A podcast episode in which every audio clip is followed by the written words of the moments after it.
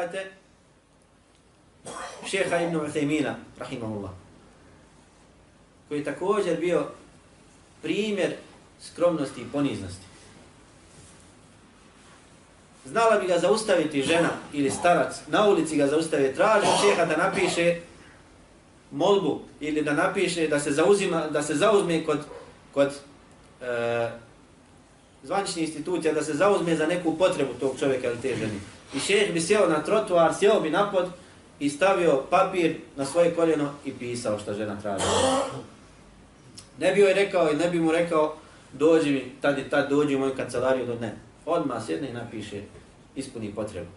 Jednom prilikom dok je držao predavanje, jednom prilikom dok je držao predavanje, jedan od njegovih učenika izašao je toalet u WC i kada je ušao u toalet, vidio je ili zatekao je kako je česma puknuta i curi iz nje voda. Šiklja voda iz česme. I vratio se šehu na predavanje, prekinuo šeha dok je držao predavanje i rekao šeh, pukla je česma i curi voda u kupatilo ili u toaletu. I onda je šeh prekinuo ders, ustao sa stolice i otišao kući, kaj sačekajte. I kaže, kad ide šeh, nosi u svojoj ruci alat, kaže, idemo da popravimo česmu. Idemo da popravimo česmu. To je bio, draga braća, znači, jedan od najpoznatijih učenika, učenjaka današnjice. Jedan od najpoznatijih učenika današnjice. Učenjaka današnjice.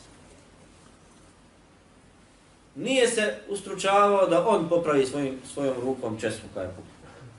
Šta bi danas rekli, ili kako bi danas postupili ljudi na njegovom stepenu? I ljudi sa njegovim ovlastima. Drugom prilikom došao me jedan od poznanika koji je volio puno šeha, a i šeha je njega volio, i zatražio od šeha, znači šeha je imao predavanje na drugom mjestu, u drugom gradu, pa je zatražio od šeha da, da ga on odveze na predavanje. A ovaj čovjek je imao staro auto. I kada su krenuli prema tom mjestu, auto se pokvarilo na pola puta. Stalo auto. I šta je šeh uradio?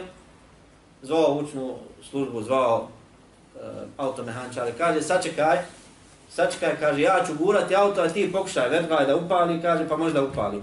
I onda je šeh gura auto dok nije ovaj upali, onda su sjeli i nastavili putovanje. I šeh je došao, održao predavanje, nije niko znao da je on gurao auto usput. Čovjek koji imao preko 60 godina, preko tada. Nije se stidio, nije se oholio, nije se ustručavao da on gura auto ovaj da, da pali auto. Znači bili su skromni i ponizni.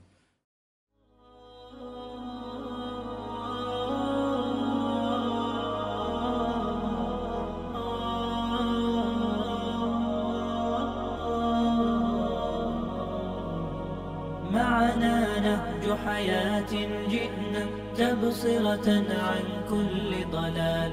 أعددنا بضع رسالات.